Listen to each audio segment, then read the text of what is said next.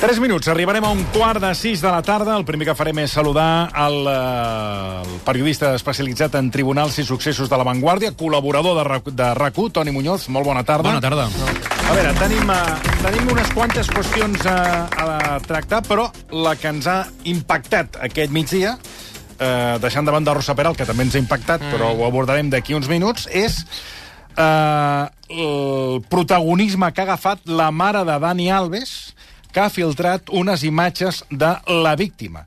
La víctima de la presumpta violació del jugador de futbol denunciarà totes les persones que han publicat imatges seves sense consentiment a les xarxes socials. Això després que, com dèiem, la mare de Dani Alves hagi difós un vídeo amb imatges del dia a dia de la noia. A veure, anem a pams, Toni, eh, perquè ens explicaves aquest eh, migdia, quan preparàvem aquesta conversa, uh -huh. que aquest vídeo ja, és a dir, ja, ja circulava, ja... Ja fa uns quants dies ja, que ja corre. intentaven filtrar-lo a alguns mitjans de, de comunicació, o, o que us havia arribat, no? Sí, bé, de fet, és un, és un, és un post d'Instagram que penja la mare de, de Dani Alves i que el va penjar fa entre 3 i 4 dies. Jo aquesta informació ja l'havia rebut, ja m'havien enviat el vídeo i vaig pensar, ostres, que fort, no? I aleshores aquí vam tenir molts eh, periodistes la disjuntiva de què havíem de fer, perquè per una banda és molt greu que la mare de Dani Alves difongui aquesta informació i difongui i, i, i es bombi, diguéssim, la identitat de la víctima, però al mateix temps també, si tu informes sobre això, el que estàs fent és que qualsevol lector, qualsevol oient, ara tingui curiositat per anar a buscar el perfil de la mare de Dani Alves i veure les imatges de la víctima i revictimitzar-la, no? Per tant, estàs, diguéssim, en una mica un carreró sense sortida, no? Aleshores... És molt, molt interessant, eh, Sí. aquest, aquest debat, aquest plantejament eh, que exposes, no? Aleshores, clar, eh, al final, mm, bueno, nosaltres en, eh, en un primer moment no, vam decidir no, no publicar absolutament res. De fet, a La Vanguardia doncs, encara no s'ha publicat eh, res sobre aquest tema, però sí que és veritat que ara tenim novetats i és la reacció de la pròpia víctima que ha dit que denunciarà a totes aquelles persones i a tots aquells mitjans de comunicació que hagin ajudat a difondre el tuit o el post aquest de la mare de Dani Alves i que hagi permès doncs, identificar-la. No? De fet, acabem de rebre ara mateix un comunicat doncs, de l'advocada de, de la víctima de, de Dani Alves, que és l'Ester Garcia, i que ens ha enviat un comunicat on diu la difusió d'imatges o de qualsevol informació que permeti la identificació d'una víctima de, vi de violència sexual constitueix un delicte flagrant. Com a acusació particular de la presumpta agressió sexual que va tenir lloc a la discoteca Sutton el, el 30 de desembre del 2022, s'adverteix que s'instaran accions judicials contra totes aquelles persones o mitjans que difonguin les imatges de la nostra clienta o facilitin qualsevol informació directa o indirecta que permeti la seva identificació. I després acaba dient és lamentable que, a data d'avui, se segueixi intentant destruir a les persones que s'atreveixen a denunciar. Aquest, eh, aquest és el comunicat, per tant, doncs, l'advocada de la víctima de, de Dani Alves, doncs, que després de que s'hagi hagi arribat a Espanya, perquè això, al Brasil ja s'havien fet notícies sobre això, ja s'havia explicat que la mare de, de Dani Alves estava atacant a la víctima, que havia eh, penjat un vídeo en què... Tot això al Brasil. Al Brasil, sí, sí. És que el, el, la mare de Dani Alves viu al Brasil. Ella va penjar aquest vídeo a les xarxes i és un vídeo, és un muntatge, és a dir, on apareixen imatges de, de la víctima, sense pixelar ni res, se la veu perfectament, i on eh, se la veu, doncs, no sé, eh, ballant, o se la veu en altres situacions, no? I mentrestant, doncs, van sortint una sèrie de missatges en portuguès en què diu, mira, aquesta, ve a dir, mira aquesta noia, no? si està tan afectada i ha dit doncs, que està tan afectada, com pot ser que estigui ballant o passant-s'ho bé, no?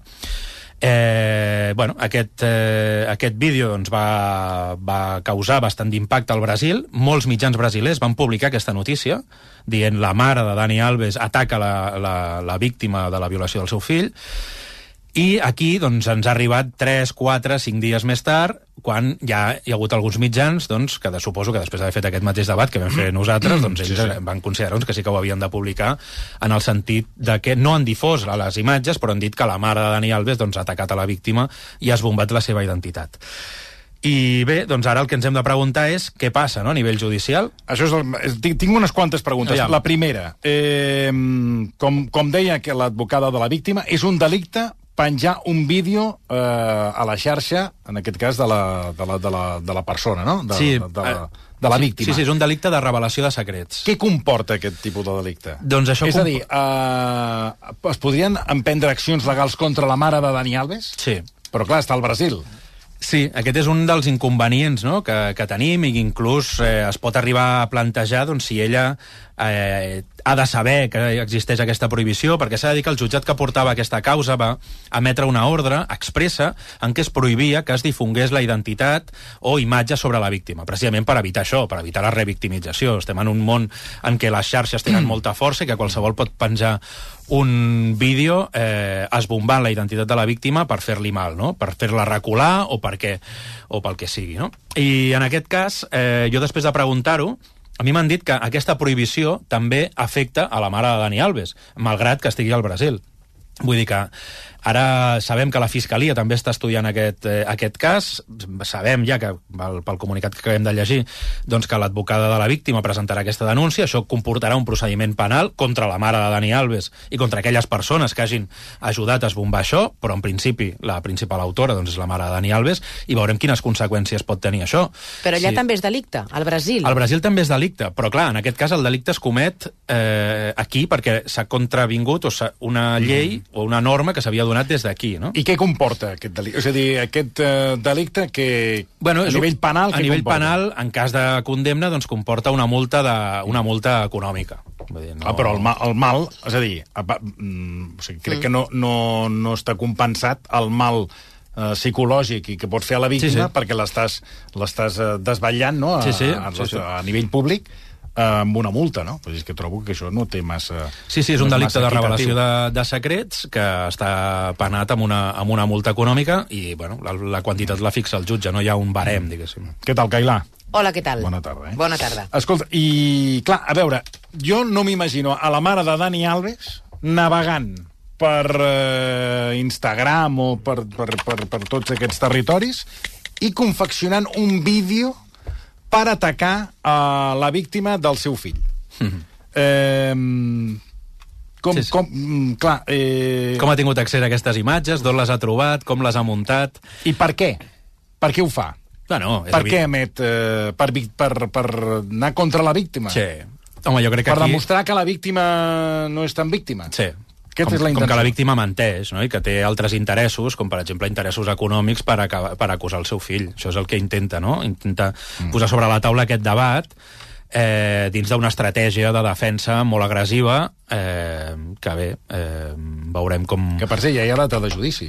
Sí, és el 5 de febrer. 5, 6 i 7 de febrer, és a dir, el mes que ve, d'aquí res, d'aquí just un mes, tindrem a Dani Alves assegut al banc dels acusats, hi haurà molt d'interès mediàtic, suposem doncs, que la víctima no se la podrà veure i que declararà eh, darrere d'una mampara, no?, perquè no se l'identifiqui, però sí, serà un... Mm serà un judici interessant i que tindrà molt, molt de seguiment mediàtic. Hi ha una cosa que és interessant, jo crec que, que expliquem, i és com ha aconseguit la mare de Dani Alves tots aquests vídeos, perquè és que són vídeos eh, privats, no el típic vídeo que t'envies amb algun amic eh, a través de WhatsApp, no? Els vídeos que ha publicat ella on es veu a la víctima. Aleshores...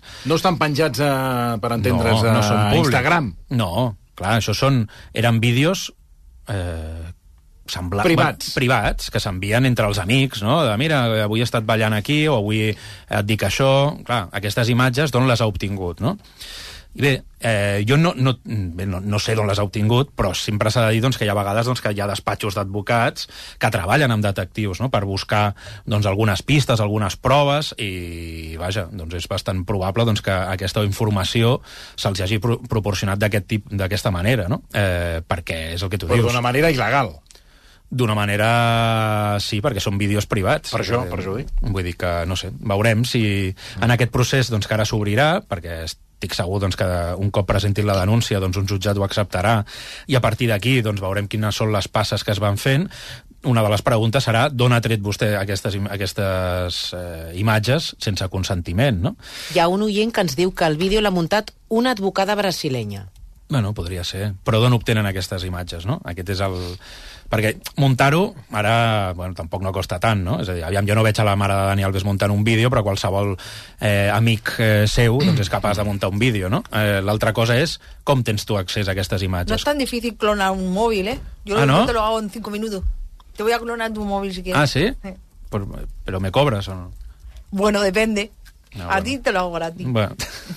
bueno. És a dir, que ha obtingut tot un seguit d'imatges mm. privades sí. i no se sap com. No. Veurem si ho aclarim, no?, algun dia. I una altra qüestió és, uh, aquest vídeo pot influir d'alguna manera en el cas Alves? O sigui, què persegueix aquest vídeo? Bueno, l'objectiu que persegueix és criminalitzar la víctima, no? Dir que, la, que està mentint i que tot aquest trauma que, que diu ella i que de fet han avalat els propis psicòlegs que li ha causat doncs, la violació de Dani Alves no és tant, no? I que simplement doncs, ella ha seguit fent vida normal i que l'únic objectiu que perseguia amb aquesta denúncia era un mòbil econòmic, no? Acabar doncs, que amb una indemnització molt quantiosa i, i ja està, no? I, bueno, això és el, el que persegueix la, la mare de Dani Alves amb aquest vídeo. Veurem si la mare de Dani Alves, és a dir, aquí tam també hi ha una altra pregunta, és si aquest vídeo el penja ella a iniciativa pròpia, perquè li han, li han anat enviant aquests vídeos i mira, jo defenso el meu fill i tal, o si realment al darrere hi ha una estratègia de la pròpia defensa més orquestrada, no? És a dir, que sí que... Perquè recordem que la defensa de Dani Alves eh, va passar del, de l'advocat Martell, Sí. el despatx Martell, amb una advocada ara brasileia. No, no, Ah, ara, no? no, no, ara una advocada d'aquí, que es diu Ah. Inés Guardiola, que...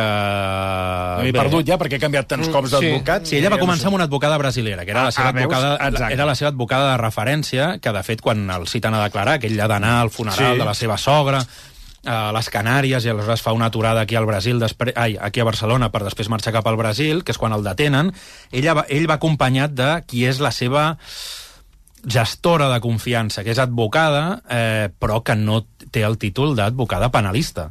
És a dir, no és eh, especialista en aquest És àmbit. advocada. És advocada, però és Sí, advocada però no és especialista en immigració.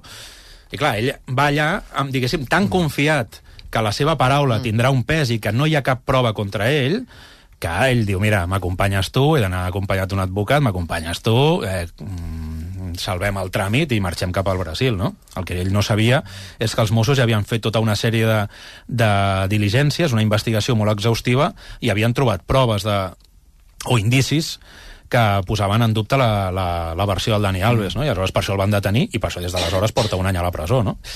I bé, aleshores, després de donar tres versions el mateix dia que va declarar, d'haver-se contradit moltíssim, i de, un cop va entrar a la presó, després va intentar tornar a declarar, ja sota la tutela mm, legal de Cristóbal Martell, un dels grans advocats de Barcelona, i eh, tampoc se'n va sortir. I al final Dani Alves doncs, va optar per una nova lletrada, que és Inés Guardiola, que és eh, molt més discreta, i aquí sí que es va intentar d'alguna manera eh, explorar la via d'un pacte. Quan dic explorar no vol dir ni que volguessin pactar, sinó simplement van quedar per parlar de dir, escolta, això pot ser que ens evitem el judici i puguem tancar un acord, sí o no? Es va intentar, eh, òbviament això sempre passa per dues coses. Una, que Dani Alves accepti la seva culpabilitat i que després que indemnitzi la víctima eh, d'una manera quantiosa, perquè si no tampoc no, no evites un judici, no? Però clar, sembla ser doncs, que les parts no es van posar d'acord eh, i al final doncs, tot apunta que ar- arribarem a judici. A Dani Alves la Fiscalia li demana 9 anys de presó, la víctima li demana 12, i veurem. Encara hi ha la possibilitat doncs, que s'arribi a un pacte, si finalment doncs, Alves accepta una pena de presó, accepta la seva culpabilitat i accepta pagar aquesta indemnització. Mm, Veurem. Doncs avui ha estat eh, notícia aquest, eh, aquest vídeo que, com dèiem, ha penjat la, la mare de Dani Alves, eh, que, està molt il·lustrada amb el que són les noves a veure si es posa les piles, vostè, senyor Virgili, Ara, veu ara, que la mare de. Dani Alves està molt posada. Jo no tinc vídeo.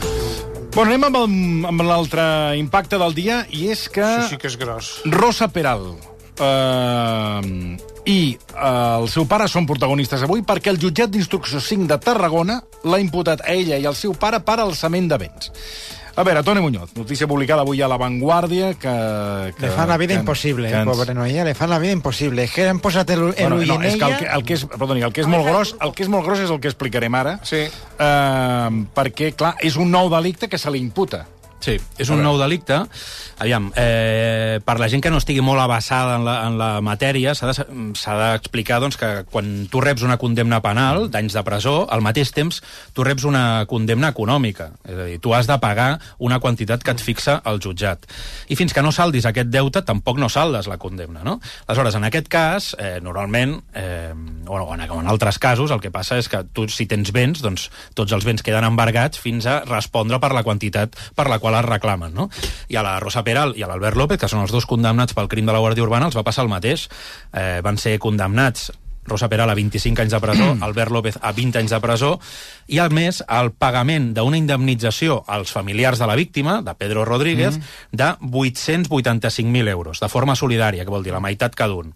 Aleshores, Rosa Peral, quins béns tenia? Tenia un cotxe, un Mitsubishi Colt, i després tenia un, la casa de Cubelles, Sí. bueno, de la frontera entre Vilanova i Cubelles, diem Cubelles però és Vilanova, on es va cometre el crim, aquella casa. Doncs aquella casa estava al 50% amb el seu exmarit, el Rubén, que era el mosso d'esquadra qui intenten penjar-li al mort, perquè ens entenguem. Doncs eh, pocs dies abans que el Tribunal Suprem confirmés la sentència, Pocs dies abans. pocs dies abans, sis dies abans, perquè ella ja estava condemnada. Eh? Rosa Peral l'havien condemnat a aquesta pena de presó. Faltava la confirmació. Exacte, és a dir, aquí l'Audiència de Barcelona, el jurat popular la va condemnar, després ella va recórrer al Tribunal Superior de Justícia de Catalunya, van desestimar aquell recurs, per tant, i, mm, ja era una altra instància superior doncs, que no li havia donat la raó, i per últim quedava apel·lar al eh, Tribunal Suprem. Ella ho fa, i assenyalen el juliol, el 23 de juliol del 2021, com la data a la qual el, la sala segona, el Tribunal Suprem, es reunirà per emetre el seu eh, fallo, que diuen, no? Mm. Per emetre la seva sentència, el seu veredicte. Dir. Ja, o sigui, ja saps el dia que... es, Eh, Exacte, estava farà- convocat. Eh? 23 de juliol del 2021. I què fa ella? El 17 de juliol del 2021, és a dir, sis dies abans, canvia el nom de casa seva i li, dos, i li dona al seu pare. És a dir, la casa li diu, no, no, com que... Com... M'embargaran. M'embarga... Bueno, hauré, perdrem el Clar. 50% de la casa, D'aquesta manera la conservarem, perquè no estarà el meu nom. no estarà el meu nom i estarà el nom del meu pare. Clar, quan fan aquestes coses, això es diu un delicte d'alçament de béns, no? És a dir, tu tens un deute amb la justícia, tu has de pagar a la, a la família de la víctima a la qual tu has matat, o a la, almenys el que tu t'han I quan, condemnat, quan arriba el moment de, de fer efectiu la, o sigui, de, de tenir la sentència ferma i d'haver de fer front a aquest deute, Clar. tu Ets fas... ins- insolvent. ets insolvent. Clar. Tu dius, no, no, jo és que jo no en tinc, no, no, No en tinc ni cinc. Sí. Qué- Pero eso es qué muy fácil lista, de que- que a veure, però- Eso es de, es de ahí estáis dándole Home, de de no ho sé. de, de un, un tablero de ajedrez. Perquè és fàcil de comprovar quan has fet el canvi de nom. No? Vull dir, a veure, eh, Clar. és que dos i dos són quatre. Sí, sí. La justícia investigarà, dirà, a veure, això està I a com nom és del que s'ha pare. sabut això ara? Bueno, Perquè, eh... clar, ja fa, ja fa un temps Sí. que va. Sí, Bueno, eso no sale en la, en, la, en la serie. Mira, yo estoy informada del caso y en la serie no sale ningún capítulo. No, perquè la sèrie solo es es van, només es van centrar en una part del cas, però van obviar moltes altres, no? Eh, I ja, si parlem de les tintes de Rosa Peral, doncs ja no et dic eh, Ja. el- tot el que van obviar, no? Però, en aquest cas, eh, la família de la víctima, quan va tenir coneixement d'aquest canvi de nom, a l'any 2021, ja va presentar una querella. Mm. I des d'aleshores estàvem esperant que el jutjat l'acceptés. I, de fet, el jutjat els hi deia a la família sí, sí, no, no, sí, l'acceptarem, però ja t'ho notificaré, ja t'enviaré l'escrit. Bueno, doncs han trigat, ara estem al... És que anava a dir, han trigat dos anys, no, no, han trigat gairebé Estem al tres. 2024, sí, sí. Clar. Tres de- anys. Tres anys per notificar això. Molt. I és més, i aquí hi ha també una altra pregunta que tu Llavors, dius... perdona, digues, digues, perdona. No, no, aquí ha, jo crec que hi ha un altre element que també és bastant curiós, de dir, aviam, aquesta senyora ja li havien imposat els 25 anys de presó, vull dir, no era nou, no, no estaven a punt d'imposar-li, no? És a dir, el, ja, ja li havien imposat l'Audiència de Barcelona, després el TCJ, vull dir que ella ja portava uns quants anys, perquè la sentència és de l'abril del 2020.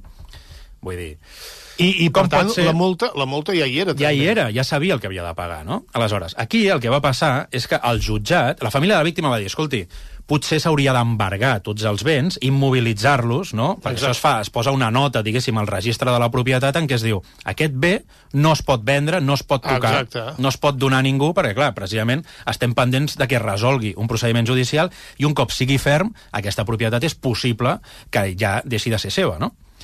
Això es va fer, el jutjat va acceptar aquesta mesura cautelar que li havia demanat la família i van dir, d'acord, sí, sí, que s'immobilitzi, però no ho va notificar al registre de la propietat. Ole. No m'ho puc creure. I aleshores, clar, el registre de la, de la Tots propietat... són nyaps, eh? Tots són nyaps, és que és veritat. De veritat. És a dir, al final...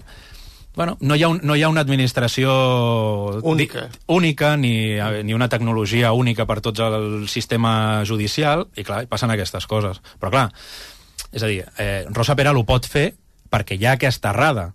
Perquè això, en un primer moment, el jutjat ja havia dit no, no, això que no es toqui. Clar. Això que tingui una nota i que cada, i si hi- algú s'interessa per aquesta propietat, que es digui no, no, aquesta propietat no es pot ni vendre, ni donar, ni el que sigui. Però es va poder fer. sis dies abans de que es dictés una sentència I, i, ferma. I si hagués passat dos anys o tres abans? La donació, Sí. abans de què? Ah, home, abans que duguessin el veredicte de culpable... Bueno, igualment s'hagués embargat i s'hagués... eh, Igualment, sí, eh? perquè sempre, eh, des del moment en què hi ha una causa judicial oberta, tots aquests béns que tu tens pot ser que hagis de respondre després a una responsabilitat civil.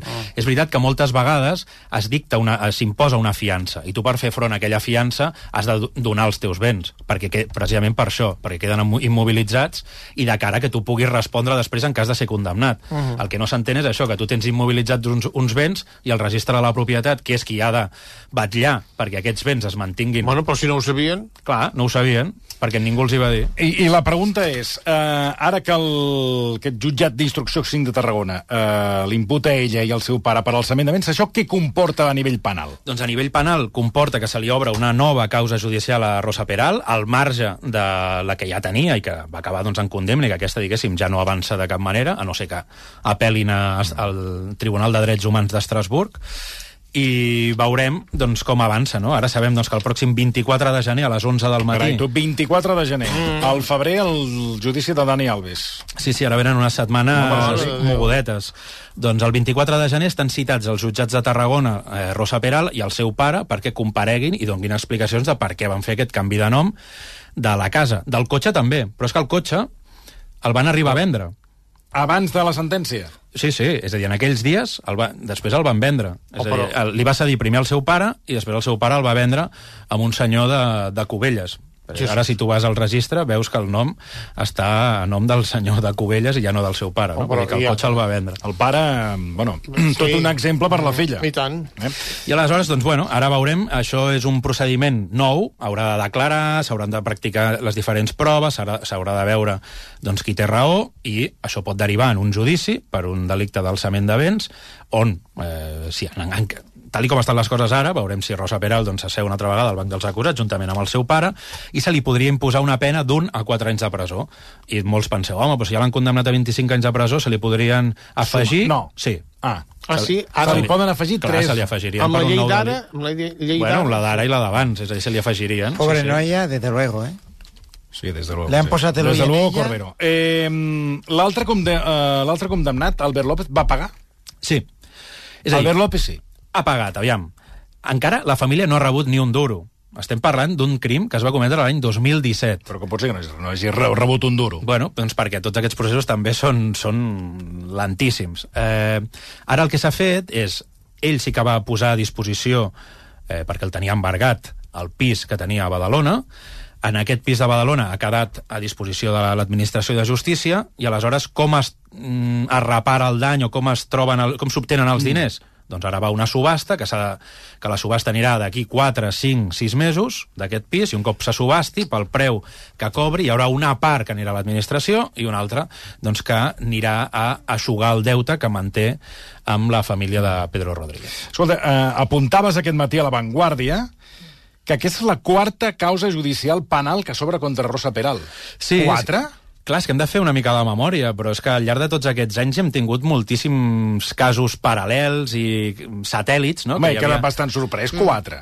Sí, és que jo crec que els hem anat explicant tots, però és veritat que a la gent a vegades li falta una mica de perspectiva i, bueno, jo també perquè conec molt el cas i a vegades estic més, més, eh, més ficat, Bueno, no? tu ets el, el, el doctor en la matèria. Sí, sí, Home. quasi. Per- Però, per- clar, per- aquí- no. Casos paral·lels. sí, casos De Paral. Oh, oh! Hòstia, ja està fino, eh? Es un H, ¿Has ¿eh? visto? Un H. Es el, es el humor, el humor de la tarde. De Peral. Peral paral·lel. Ja, ja l'hem entès, ja. Pero... Peral de paral·lel. Paralelo. Pera, paralelo, de lelo, de... A veure, quan acabi aquesta pirotècnia d'humor, eh, si podem re reconduir les quatre causes, quines són? Doncs mira, eh, les causes judicials eh, obertes contra Rosa Peral al llarg de tots aquests anys, és que va esclatar el crim de la Guàrdia Urbana, doncs eh, ens hem de remuntar que també a l'abril del 2014, Rosa Peral i Albert López, els dos condemnats, eh, se'ls va reobrir la causa de la mort d'un manter a Ah, Montjuïc. sí, sí, un sí, senyor sí. doncs, que va Ah, morir... pensava que això s'havia arxivat. Es va arxivar, però clar, és a dir, al llarg d'aquests anys se li han anat obrint Ah, aquestes val. causes. Aquest el van obrir i van tancar. Sí, totes aquestes s'han acabat tancant, però és veritat que sempre se li han anat obrint causes perquè la seva actuació, diguéssim, al llarg de tots aquests temps, doncs ha sigut sempre una mica tèrbola, podríem dir. Aleshores, en- tenim aquesta primera causa que, un cop saben i detenen Albert López i a Rosa Peral, saben de la seva potencialitat criminal, els Mossos busquen el seu currículum, el seu historial, tiren enrere, diuen, ostres, a veure, aquesta gent quin tipus d'actuacions han tingut, i van trobar una de sospitosa a l'abril del 2014, en què hi ha un manter que ben bé no era un manter, era més aviat un rodamont, una persona doncs, que bueno, vivia, malvivia com podia pel carrer, que va morir en estranyes circumstàncies en caure emmanillat des d'un terraplén de 25 metres. Aleshores, eh, allò, eh, en un primer moment, perquè l'atestat que va fer la Guàrdia Urbana no va aixecar cap mena de sospita, però després, quan van revisar el cas, sí que van dir, ostres, mm, les dues persones que van veure aquell cas eren Rosa Peral, Albert López, i després un altre agent que va morir un any després o dos anys després eh, en un accident de moto amb Albert López. Aleshores, eh, això és una mica el Ui. primer cas, això es va, això es va reobrir, Perdona? finalment per falta de proves doncs es va arxivar. O sigui, Sí, la- el tercer moment, implicat... l'únic- testimoni. Moment, moment. Uh, L'Albert López anava amb un company Sí, i va tenir un accident i es va morir. sí. I el que va morir Però no- havia estat no- amb ells era l'únic va testimoni morir que hi havia- el, el sí, noi era I no, aquest i no es va investigar res.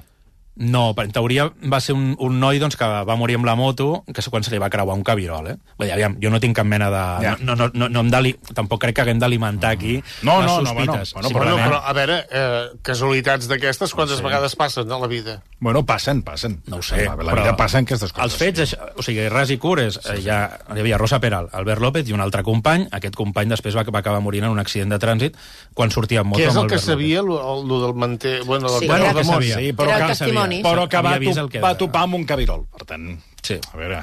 Si no, no. Va, I aleshores, la tercera causa...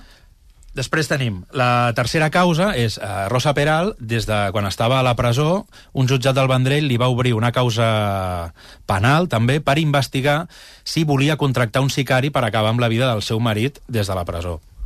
Ah, sí, sí, que ho Ah, recordo. sí. Això ho vam explicar. Sí. explicar, sí, sí. I aleshores se li va obrir una causa per preparació d'homicidi perquè, segons deien diverses preses, companyes seves, Rosa Peral havia mm, preguntat amb insistència a moltes de les seves companyes si coneixien alguna persona que fos eh, capaç de- d'assassinar per encàrrec. Fixa't. I aleshores hi havia una, una interna que tenia una Perquè parella que... assassinar- assassinar el seu, ex, no? El sí, Ruben. El Ruben, sí. El. Ruben era, digués, El que ja li volen voler encolomar la Clar. mort de l'altre. Per entendre una mica el crim de la Guàrdia Urbana s'ha d'entendre sobretot Vaya, que el mòbil vaya. del crim de la Guàrdia Urbana, perquè a mi sempre em pregunten, bueno, i per què ho volien fer? Bueno, ho volien, per, per què ho van fer, no?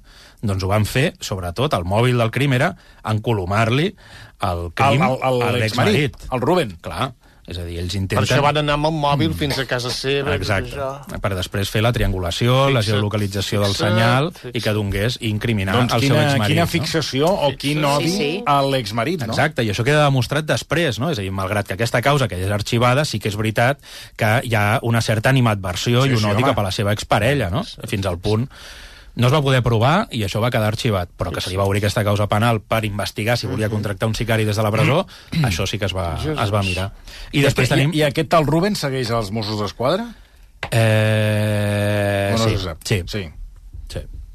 Bueno, va, Però aquest noi no ha fet Però res. aquest noi no ha fet res, clar. Ah. No, no, però em refereixo que, clar, eh, vius amb la por d'aquesta obsessió que té Rosa Peral amb ell, perquè l'ha sí intentat matar, bueno, almenys una vegada. Bueno, i que té dues filles amb ella Sí, i sí, que, per això dic que- és una relació doncs, que perduraran els anys, encara que sigui per, per, per, la, per les seves filles, no? Vull dir, sí, sí, no, aquest pobre noi, la veritat és que en un primer moment el, els Mossos el van investigar pel crim de la Guàrdia Urbana, a qui li punxen el telèfon és a Rosa Peral, a Albert López i al Rubén, perquè clar, pensen, bueno, eh, el senyal del Pedro Rodríguez, de la víctima, l'última vegada Clar. doncs, que va Clar. donar senyal, estava si- a prop del seu sí, domicili. Però, però si cosa de tres... Clar, sí que és veritat que ràpidament el van descartar, no? Però clar, aquest pobre noi no només No, ha no, hagut per de, això t'ho dic. Per això t'ho dic. Jesús. de lidiar amb això, sinó que, bueno... I la quarta seria la d'ara, no? La I la quarta és aquesta, aquesta d'ara. Escolta, per, eh, per acabar, els Mossos d'Esquadra que van detenir ahir el menor que va escapar mentre el traslladaven d'un centre de menors a un hospital, eh, que va fugir i l'han trobat una setmana més tard. On l'han localitzat? Doncs l'han localitzat molt a prop de Can Llupià, que és molt a prop del centre de menors del qual s'havia fugat. Mm. Vull dir, l'han trobat al mateix barri, eh, rondant per allà, el van, el van enxampar i sembla ser doncs, que va posar bastanta resistència. Va haver un agent dels Mossos d'Esquadra que va acabar ferit lleu el van, i el van portar cap a un calabós de la ciutat de la justícia, on s'ha de decidir a veure què és el que fa. No? És a en principi sembla clar doncs, que tornarà a ser internat en un centre de menors. Aquest eh, jove, recordem doncs, que fa una setmana, eh, tenia 17 anys, el portaven a una visita al dentista, quan va aprofitar en aquest trasllat per, eh, bueno... Eh, uh Mhm, tocar el dos. Clar, no, li va clavar un, un, un cop de puny amb un dels Mossos Jesús. i d'aquesta manera va, va poder marxar. I una de les coses que a mi em sembla més eh, sorprenents és que no només va poder marxar, sinó que a més es va poder desempallegar de les manilles. Fixa't. Se les va tre- anava emmanillat i se Que les no- va no ha de treure. ser fàcil, no ha això, de ser eh? fàcil. Doncs se les va treure Fixa't. perquè uns agents de seguretat ciutadana després van estar patrullant per allà i van trobar les manilles Fixa't. allà al terra. Encara. Se les saben totes, eh? Se les saben totes. ¿Y del pastilla se sabe algo, Tete? Eh, No, del pastilla encara... Joder. No, seguim. Aquest no el tornem a veure, eh? Tu creus que no? El Pastilla? Aquest ja, té, ja li han canviat la Di, cara. diuen que si, està, si ha marxat del país, no ho sé, el Pastilla. No sé, les últimes informacions que hi havia és que rondava per Espanya i que encara no havia Ah. pogut arribar al Marroc, que diguéssim era el seu objectiu, però aviam, veurem, no? És, eh, ja el van batejar, no? Pastilla ef efervescente. He fet la broma dos dies seguits, vull dir que ara funciona. No, pues sí, pues sí. Porque la hizo con el otro, con el Perdona, mar. però he trobat que està bé. M'ha fet gràcia, què vols que t'hi digui? Toni Muñoz, moltíssimes gràcies. vosaltres. Com sempre, un plaer que ens acompanyis explicant totes aquestes històries, les històries del dia a dia, del, del, del, Sí. del que passa. Ara farem una pausa de dos minuts i quan tornem viatjarem fins als Estats Units perquè el corresponsal de La Vanguardia a Nova York ens explicarà la llista o els noms que avui sí que podem confirmar en l'escàndol de Jeffrey Epstein, aquest senyor que muntava festes amb menors a tot un seguit de personalitats. Que hi surto jo.